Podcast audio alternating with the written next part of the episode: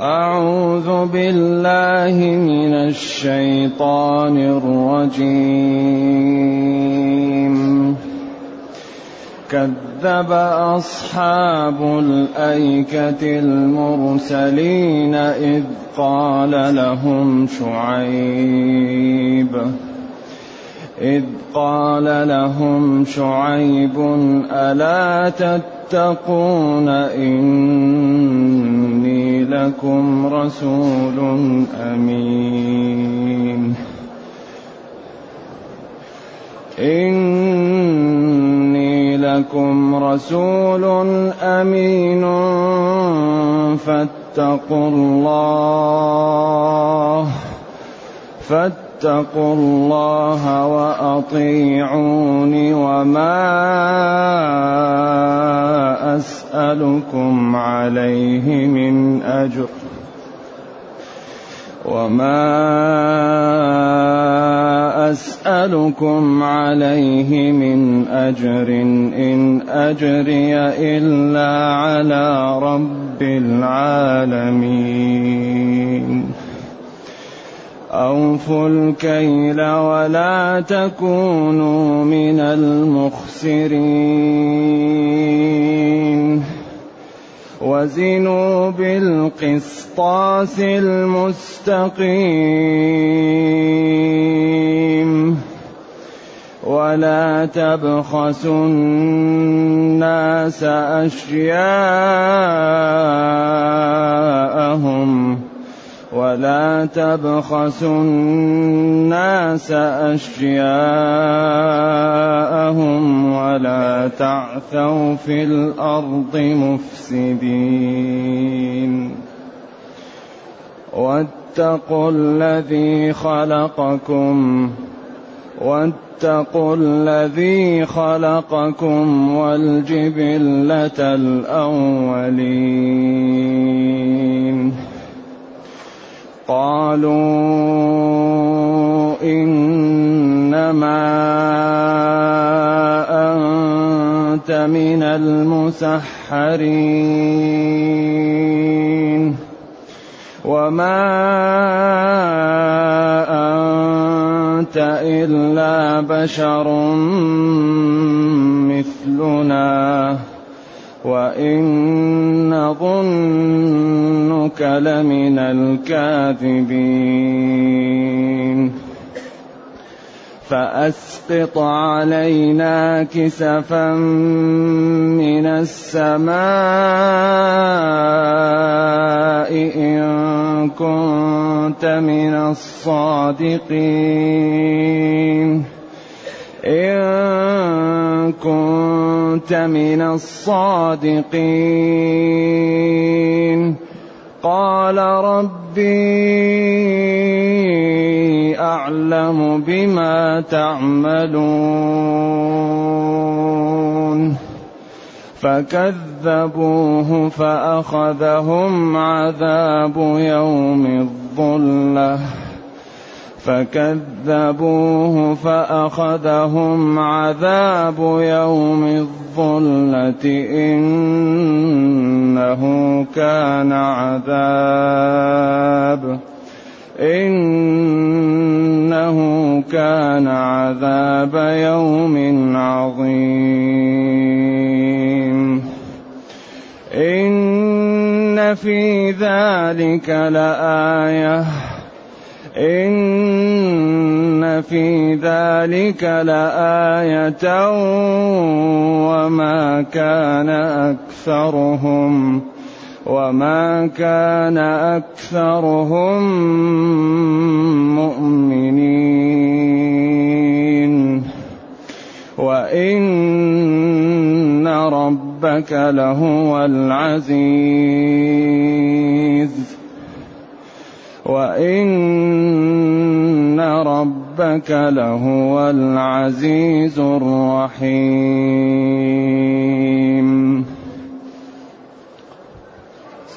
الحمد لله الذي أنزل إلينا أشمل الكتاب وأرسل إلينا أفضل الرسل وجعلنا خير أمة خرجت للناس. فله الحمد وله الشكر على هذه النعم العظيمة والآلاء الجسيمة. والصلاة والسلام على خير خلق الله. وعلى آله وأصحابه ومن اهتدى بهداه. مبهد الله تعالى يقول كذبت كذب أصحاب ليكة المرسلين أو ليكتي. ليكة ممنوع من الصرف ليكتي مصروف. كلهم قراءة سبعية والمعنى سواء. وأصحاب الأيكة هنا قال لأنه جمع صاحب ذكر. قال كذب أما هنا قال كذبت عاد لأنه يقصد الأمة أو الجماعة. أما هنا قال كذب أصحابه لأن أصحاب مذكر قال كذب أصحابه. الأيكة هي الغيضة أو هي الشجرة اللي يلتف حولها الشجر تكون داخلة في غابة صغيرة تسمى الأيكة.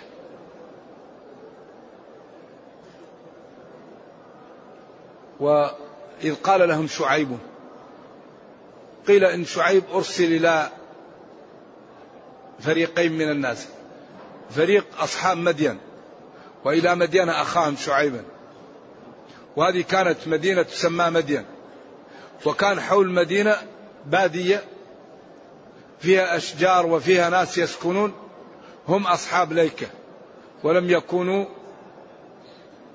جماعته. فلذلك قال كذب أصحاب ليكة المرسلين. نعم.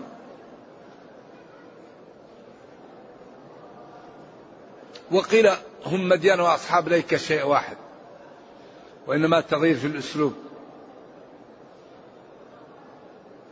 وتكذيبهم للمرسلين بتكذيبهم شعيب لأن من كذب رسولا فقد كذب الرسل.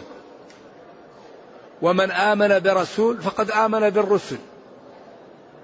ومن آمن ببعض الكتاب وكفر ببعض فقد كفر به. ولذلك لا يقبل من الإنسان إلا أن يكون مسلما أو يكون كافر. ما في أنصاف حلول. ما في واحد يكون مسلم غير مسلم ما في. يا مسلم يا كافر. فلذلك هنا الذي يكذب برسول فقد كذب الرسل والذي يؤمن برسول صحيح يلتزم الإيمان بالرسل لأنهم جاءوا من عند الله ولذلك هم يتناقضون يقول محمد صلى الله عليه وسلم مرسل للعرب. كيف مرسل للعرب هذا؟ الله يقول وأرسلناك للناس كافة وأوحي إلي هذا القرآن لأنذركم به ومن بلغ كان الرسول يرسل إلى قومه وأرسلت إلى الناس كافة إلى الجن والإنس. ولذلك ما أعطي كتاب قرآن فلعله يكون صلوات الله وسلامه عليه أكثرهم تابعا. إذا كذب أصحاب ليكة المرسلين شعيب وبتكذيبهم شعيب أصبحوا مكذبين لجميع الرسل. إذ قال لهم شعيب ألا تتقون؟ قال لهم شعيب صلوات الله وسلامه عليه وعلى نبيه ألا استفتاح وعرض تتقون الشرك والكفر والمعاصي وتطفيف الكيل والميزان ألا تتقون؟ ألا تجتنبون الحرام والشرك والمعاصي؟ بعدين هذا فيه نوع من الأدب وجمال الأسلوب ألا. بعدين علل. إني لكم وأكد إن اختلف فيها علماء اللغة العربية. فبعضهم قال للتأكيد فقط وبعضهم قال للتأكيد والتعليل. وهذا خلاف بين اللغويين قديم. إني لكم رسول أمين. إني لكم لا لغيركم رسول أرسلني ربي. يعني وهبني الرسالة وإعطاء الرسالة منا. قالت رسلهم إن نحن إلا بشر مثلكم ولكن الله يمن على من يشاء من عباده. من أكبر المنح والمنن و و والأمور العظيمة أن يعطى للإنسان الرسالة. إني لكم رسول من الله أمين فيما أبلغ عن ربي لا أزيد فيه ولا أنقص. إني لكم رسول فاتقوا الله وأطيعون. اتقوا ربكم فلا تشركوا به. وأطيعوني فيما أقول لكم وفي لا تطففوا الكيل والميزان ولا تظلموا الناس ولا تفعلوا المحرمات ولا تطيعوا وما أسألكم عليه من أجر إن أجري إلا على رب العالمين. وما أسألكم عليه من أجر. ما؟ نافية. أسألكم أطلبكم عليه على الوحي وتبليغ الرسالة. من أجر أي أجر. إن ثوابي وأجري على رب العالمين. الذي خلق الكون هو الذي يعيش. ولذلك لا بد للدعاة من أن يكون لهم مصدر مستقل لعيشهم حتى لا يسألوا من يدعوهم لشيء. لأن قدوة الدعاة هم الرسل والرسل لا يطلبون مالا. فينبغي للداعية أن يكون لا يريد شيء ولذلك إما أن يكون عنده مال يتعفف به أو تتولاه جهات من أهل الخير بحيث الذين يدعوهم لا يأخذ منهم. لأنه إذا أخذ منهم يكون ذلك مضاضة وسبب نفر في عدم القبول. فذلك الأولى أن الدعاة لا يأخذون ممن يدعوهم. وإنما يأتوا يدعو الناس ولا يطلبون منهم أجر كما قالت الرسل لا أسألكم عليه أجرا لا أسألكم عليه مالا. وإنما يعلمون الناس لله ويطلبون الأجر من الله. هذا الذي ينبغي.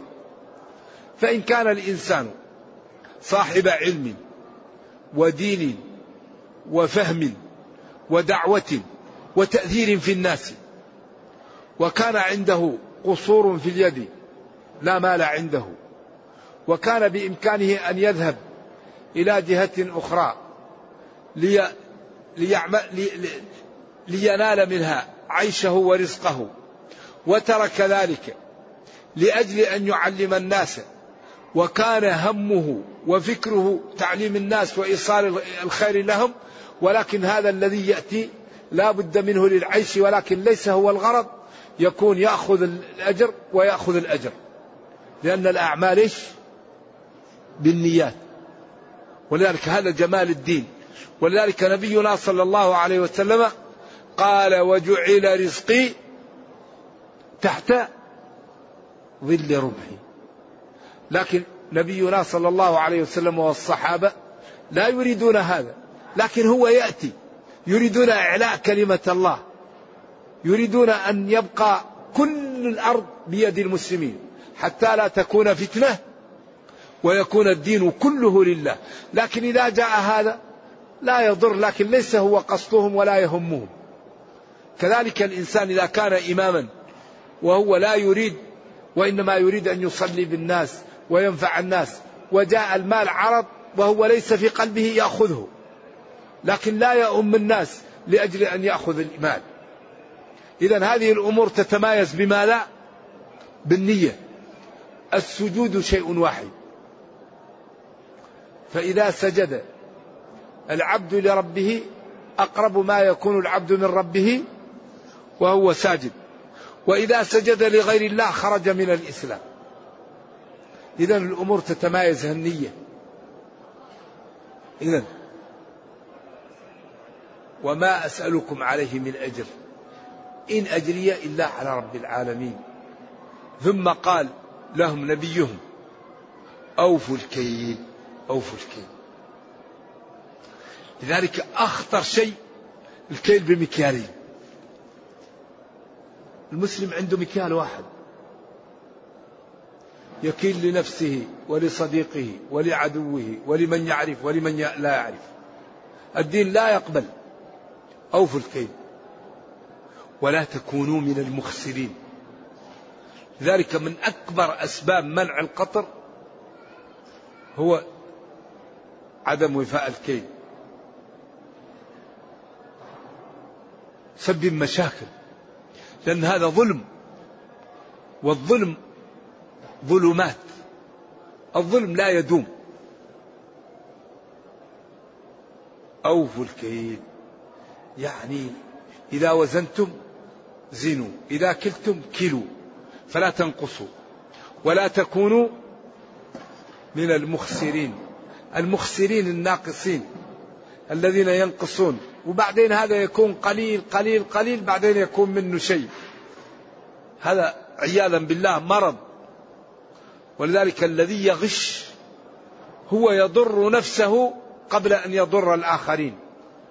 تسقط ثقة الناس فيه. وينجس ماله. وفي النهاية الناس لا يشتروا منه. لا يشترون منه فتدور البضاعة.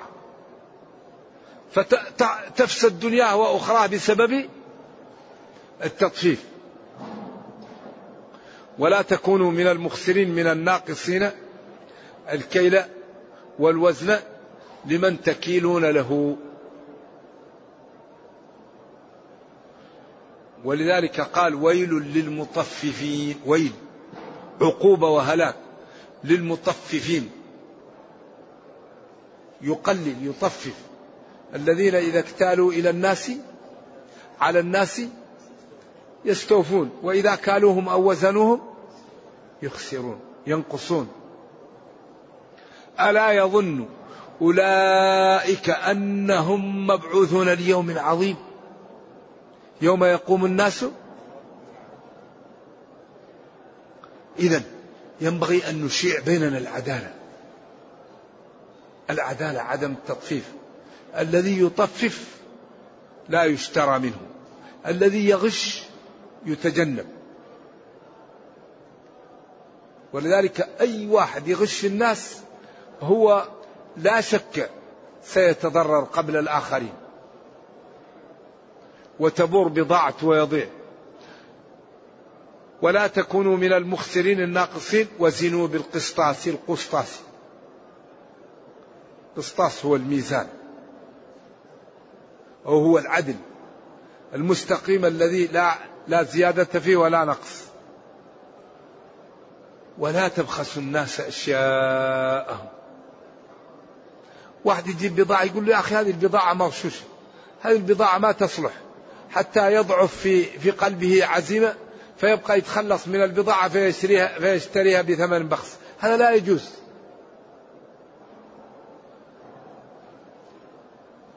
ولذلك شر شر البقاع ماذا؟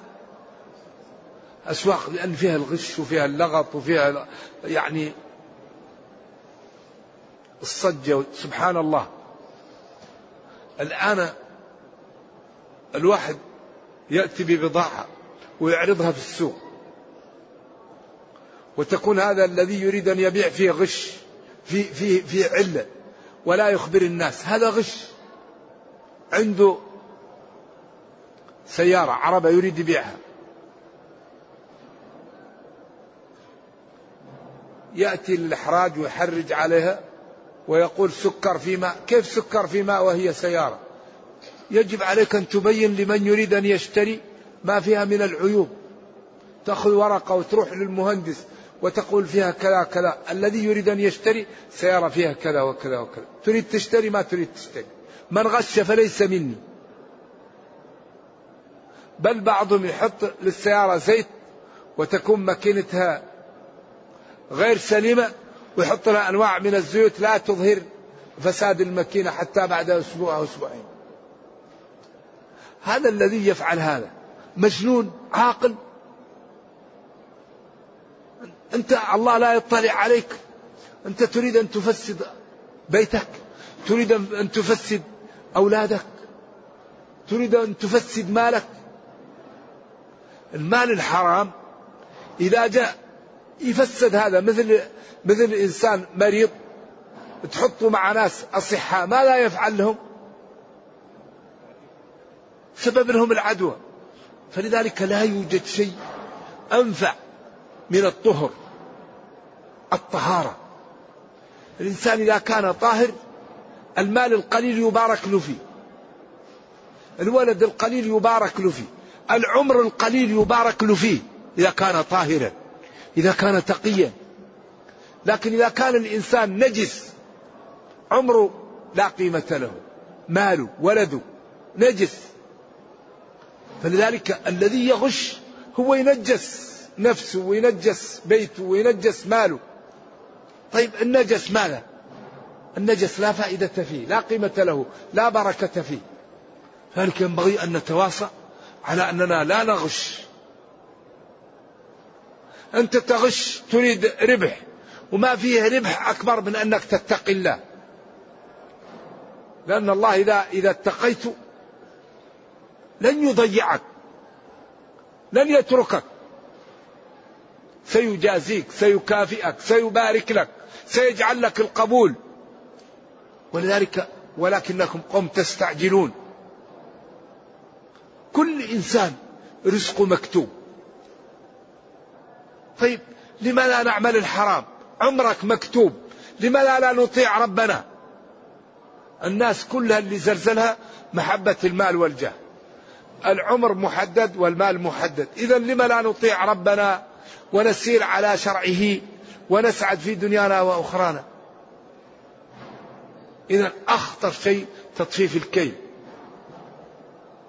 يسبب منع القطر ويسبب الجهد وينزع البركة. يعني تطفيف الكيل والميزان والغش لا يعمله أمة إلا نزع الله البركة من أمورها. ولا تبخسوا الناس أشياء. يجي واحد يكون عنده واحد اسمه مقنع. يجي الواحد يقول له بضاعتك ما تصلح أصلا هذه.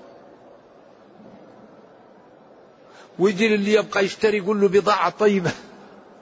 وبعدين حتى يلبس على الناس هذه مشكلة. هذه بضاعة. يلا بادر بيع. فمسكين يروح يبيع بأقل من السعر. هذا لا يجوز. يجي واحد يريد أن يبيع غشيم يجي واحد ويزيد السعر نجش. النجش ما يجوز. فيظن هذا صحيح فيزيد السعر فيتشبك فيه البضاعة. فيوحد ما يجوز هذا. ولذلك الذي يريد أن يبارك له في في تعامله يصدق. إذا كان الكذب أنجى إيش؟ أنجى وأنجى الكذب لا خير فيه والغش لا خير فيه والصدق يعني يبارك للإنسان. إذا صدق كل الناس تثق فيك. كل الناس تحبك. أما إذا غشيت واحد اثنين يقول لك احذر من فلان لا تأتي تراه غشاش. بالله في شيء أكبر من مسلم يقال له غشاش؟ أعوذ بالله. فلذلك إذا أردنا شيء نمشي مع الطريقة المرسومة. لذلك أخطر شيء هو التطفيف. هو الغش. هو الربا. هو النجش. هو الغرر. هو الجهالة. هو الواحد يكون عنده حديد حاطه ويجي ألف واحد ويبيع الحديد ويوكله ويشتري الحديد. يأخذ فلوس وبعدين يزيد عليه. إذا كان ولا بد استلم يا أخي بضاعتك وروح صرفها. أحل الله البيع وحرم الربا. وطرق الحلال كثيرة. إذا أردت يا أخي تأخذ شيء ابتعد عن الشبه. يبارك لك في مالك ويبارك لك في عمرك ويبارك لك في ولدك. إن بيع الربا أخطر شيء. لا يوجد شيء أخطر من الربا إلا الكفر. لذلك ينبغي أن نبتعد عن الربا وأن نحاول أن نتعاون على إيجاد بيوع حلال. الآن المضاربة فيها غرر لكن أباحها الله لنا. تأخذ مال وتعطيه لشخص وتقول له خذ هذه مئة ألف. اتجر فيها فإن ربحت فلك نصف الربح. وإن خسرت فلا شيء عليك. فأصبح الخسارة على الاثنين. أما تقول له خذ هذه مئة ألف وزدني عليها خمسين ألف هذا ربا. لكن البيع لا بد أن يكون من الجهتين. فهو يمكن يربح يأخذ النصف يمكن يخسر فلا شيء عليه. الخسارة على صاحب المال. ولذلك المضاربة إذا ضمن فيها رأس المال فسدت. هذه من الأمور اللي فيها الغرر لكن أباحتها الشريعة للاضطرار لها. ولا يمكن تعمل إلا بالأمان. وشخص ما, ما تثق فيه لا تعمل معه مضاربة. فذلك ينبغي الحقيقة أن نتجنب التطفيف والغش وأن نتجنب البيوع المحرمة حتى يبارك لنا في أعمارنا وأموالنا ونسعد لأن هذه التعاملات الحرام تسبب لنا مشكلة. ولذلك ما الذي نريد؟ نريد الله يغنينا يغنينا يعزنا يعزنا. أما الذي يتعامل بالحرام مآله عياذا بالله إلى الخسارة. لأن الحرام يمحق ويحرق.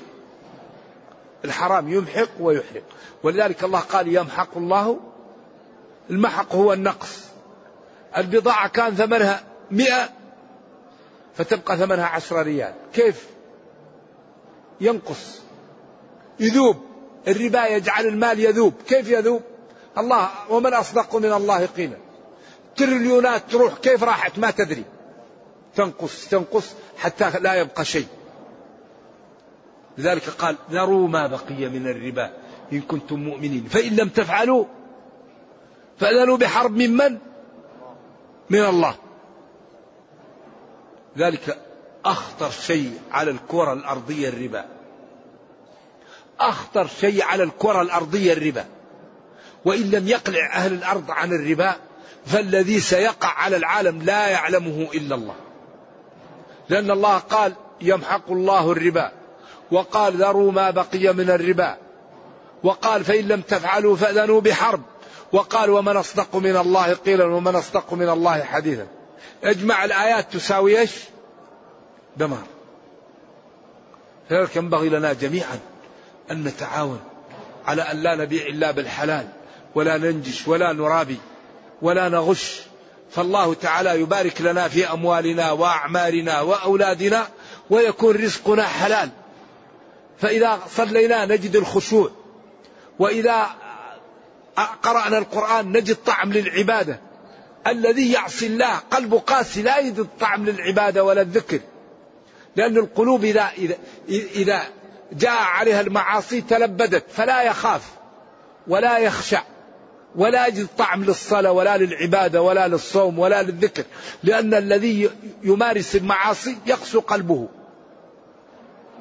أما الذي يطيع الله ويخاف يبقى قلبه ثقيل فيخاف ربه ويطيعه ويبتعد عن الذنوب وعن المعاصي. وإذا دعا ربه استجاب له وإذا سأله أعطاه وإذا جاءه من يريد أن يظلمه ربه يدفعه عنه. ولكن هذا لا يكون إلا بماذا؟ بالمجاهدة بالمكابدة. والذين جاهدوا فينا جاهدوا. جاهدوا أن لا يأكل حرام. جاهد أن لا يتكلم بحرام. جاهد أن لا يسمع حرام. جاهد أن لا ينظر بحرام. لا يضع في بطنه حرام. لا يمشي لحرام. لا يلمس حرام. فأصبح من عباد الله الصالحين. عند ذلك إذا سأل أعطي. وإذا استجار أجير وإذا جاءه بعض شياطين الإنس والجن يريد أن ينال منهم ربه دمر أعداءه. من عادى لي وليا فقد آذنته بالحرب. إذا ولا تعثوا في الأرض مفسدين. عاث في الأرض أيوة فسادا. منابع المطلق من تعثوا. لأن التطفيف والغش هذا إفساد عثي في الأرض تخريب لها واتقوا الذي خلقكم اتقوا الله الذي خلقكم لأن الله دائما ينبه في الوحيين على أن الذي يعبد هو الذي يخلق, يخلق. والذي لا يخلق لا يستحق العبادة. واتقوا الذي خلقكم وخلق الأولين الجبلة الخليقة الأولين الناس الكثير الذي خلقها قبلكم. قالوا قال قوم الأيكة وقوم شعيب إنما أنت من المسح ما إنما أنت من المسحرين. من الذين لهم سحر يأكلون الطعام وأنت مثلنا فلا نؤمن بك. ما أنت إلا بشر مثلنا وما أنت إلا بشر مثلنا وإن نظنك لمن الكاذب نظنك نوقن إنك من الكاذبين هنا. الظن هنا بمعنى اليقين. هناك ما أنت وهنا وما أنت. وهذا تلوين الأسلوب لأن هذا دلالة على بلاغة القرآن وجماله. فأسقط أنزل علينا كسفا كسفا. قطعة من السماء إن كنت من الصادقين. أتعبتنا وكلمتنا ونهيتنا عما نفعل. ونحن لا نصدق بك. جيب ما عندك وأنزل علينا السماء. إن كنت من الصادقين فافعل ذلك. قال ربي أعلم بما تعملون. أنا هذا لا أملكه. ولا لي فيه شيء. أنا رسول من الله أبلغكم. إذا أراد ربكم أن يهلككم فيهلككم. وإذا أراد أن ينجيكم. كما قال لا أملك لنفسي ضرا. ولو كنت أعلم الغيب ما يملك.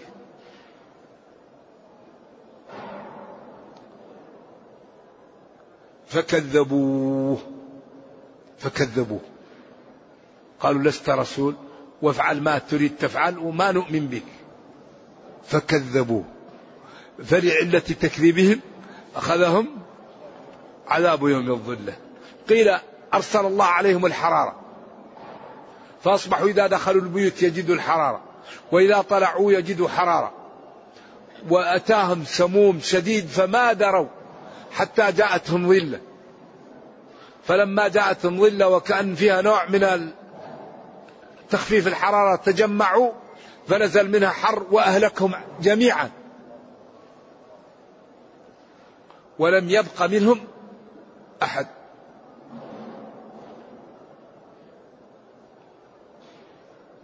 إذا كل هؤلاء الذين ذكروا كفروا وزيادة الذنوب. إذا الكفر خطير وزيادة الذنوب معه تسبب الدمار. قتلوا الناقة عملوا فحشة لوط طففوا الكيل. فلذلك لا يوجد شيء أخطر على البشرية من المعاصي ولا توجد مشكلة إلا ووراءها معصية. والله تعالى بين لنا كل شيء. وقال جل وعلا إن الله لا يغير ما بقوم حتى يغيروا ما بأنفسهم. والله لا ت... من جاءه يمشي جاءه هرولا ومن أتاه ذرع أتاه باع. فالله تعالى لا يترك عبيد من إكرامهم ومن النعم حتى يتركوا عبادته ويكفروا بنعمه. عند ذلك قال ولئن كفرتم إن عذابي لشديد. وقال وإذ تأذن ربكم لئن شكرتم لأزيدنكم. فلنكن من عباد الله الشاكرين. فلنطع ربنا فلنفهم ديننا ونسعد في دنيانا وأخرانا. ما الذي نريد؟ نريد دنيا الله يغنينا. نريد عزة الله يعزنا. نريد صحة بدن الله يصحح بدن نريد بركة في المال والولد الله يفعل لنا. بس نكون عباد لله. نتعبد لربنا. وربنا كريم وقادر وعليم ولا يضيع أجر من أحسن عملا فأخذهم عذاب يوم الظلة. إنه كان عذاب يوم عظيم. إن في ذلك لآية. وما كان أكثرهم مؤمنين. وإن ربك لهو العزيز الغالب الرحيم. لخلقه المؤمنين في الآخرة والحقيقة أن هذا الدين فيه من الجمال والحسن والشمول ما لا يعلمه إلا الله فهيا بنا إلى هذا الكتاب يسعدنا في دنيانا وأخرانا ويرفعنا ويقوينا ويجعلنا كما كنا خير أمة أخرجت للناس. ولذلك ضمن الله لمن تمسك به أنه لا يضل ولا يشقى وضمين لمن قام بما ألزمه به أنه يعطيه ما شرط له. أوفوا بعهدي أوفي بعهدكم. إن الله اشترى من المؤمنين اشترى. فاستبشروا ببيعكم. نحن نريد الثمن والمثمون هذا ما يمكن يصح. لا بد أن ندفع الثمن. حتى نأخذ المثمون. العزة الرفعة الجنة العلم التقى كله يحتاج له ثمن. فالذي يريد معالي الأمور ويريد الفضائل لا بد أن يدفع ثمنها. نرجو الله جل وعلا أن يرينا الحق حقا ويرزقنا اتباعه وأن يرينا الباطل باطلا ويرزقنا اجتنابه وأن لا يجعل الأمر ملتبسا علينا فنضل. اللهم ربنا أتنا في الدنيا حسنة وفي الآخرة حسنة وقنا عذاب النار. سبحان ربك رب العزة عما يصفون وسلام على المرسلين والحمد لله رب العالمين. والسلام عليكم ورحمة الله وبركاته. هذا السؤال ولا هذا هنا أخونا سأل سؤال فيه نوع من التنبيه على شيء. قال ألا يصيب الابتلاء مؤمنا بسببين كفارة أو رفع الدرجة؟ نعم. لكن الله تعالى قال ظهر الفساد في البر والبحر بما كسبت أيدي الناس. وقال ولما أصابتكم مصيبة قد أصبتم مثلها قلتم أن هذا قل هو من عند أنفسكم.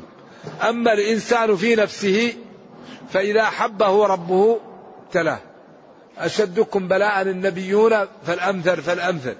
فأحيانا الإنسان يبتلى لترفع درجته ويبتلى ليكفر عنه. نعم ولذلك قال نبلوكم بالشر والخير ابتلاء فتنة. نرجو الله أن يجعل ابتلاءنا بالنعم وأن يعلم ضعفنا ولا يبتلينا إلا بالنعم. ما معنى قوله تعالى ومن يعظم شعائر الله فإنها من تقوى القلوب. يعظم يحترم. ويبذل فيها المال. هو استثمانها واستغلاء أثمانها. والشعائر جمع شعيرة ويدخل فيها البدن ويدخل فيها الأذان ويدخل فيها المصحف. فينبغي للمسلم أن يعظم شعائر الله. فإذا سمع الأذان يتوقف ويتابع الأذان. وإذا رأى مصحف لا يضعه يضعه مرتفع ولا يحط هكذا هذا في كلام الله. وإذا أراد أن يذبح يعني هديا يجعله سمينا غاليا ثمنه. يعظم شعائر الله فإنها أي تعظيم الشعائر من أمارة على تقوى القلوب وعلى أن صاحب ذلك التعظيم عنده الإيمان وعنده التقوى. نعم.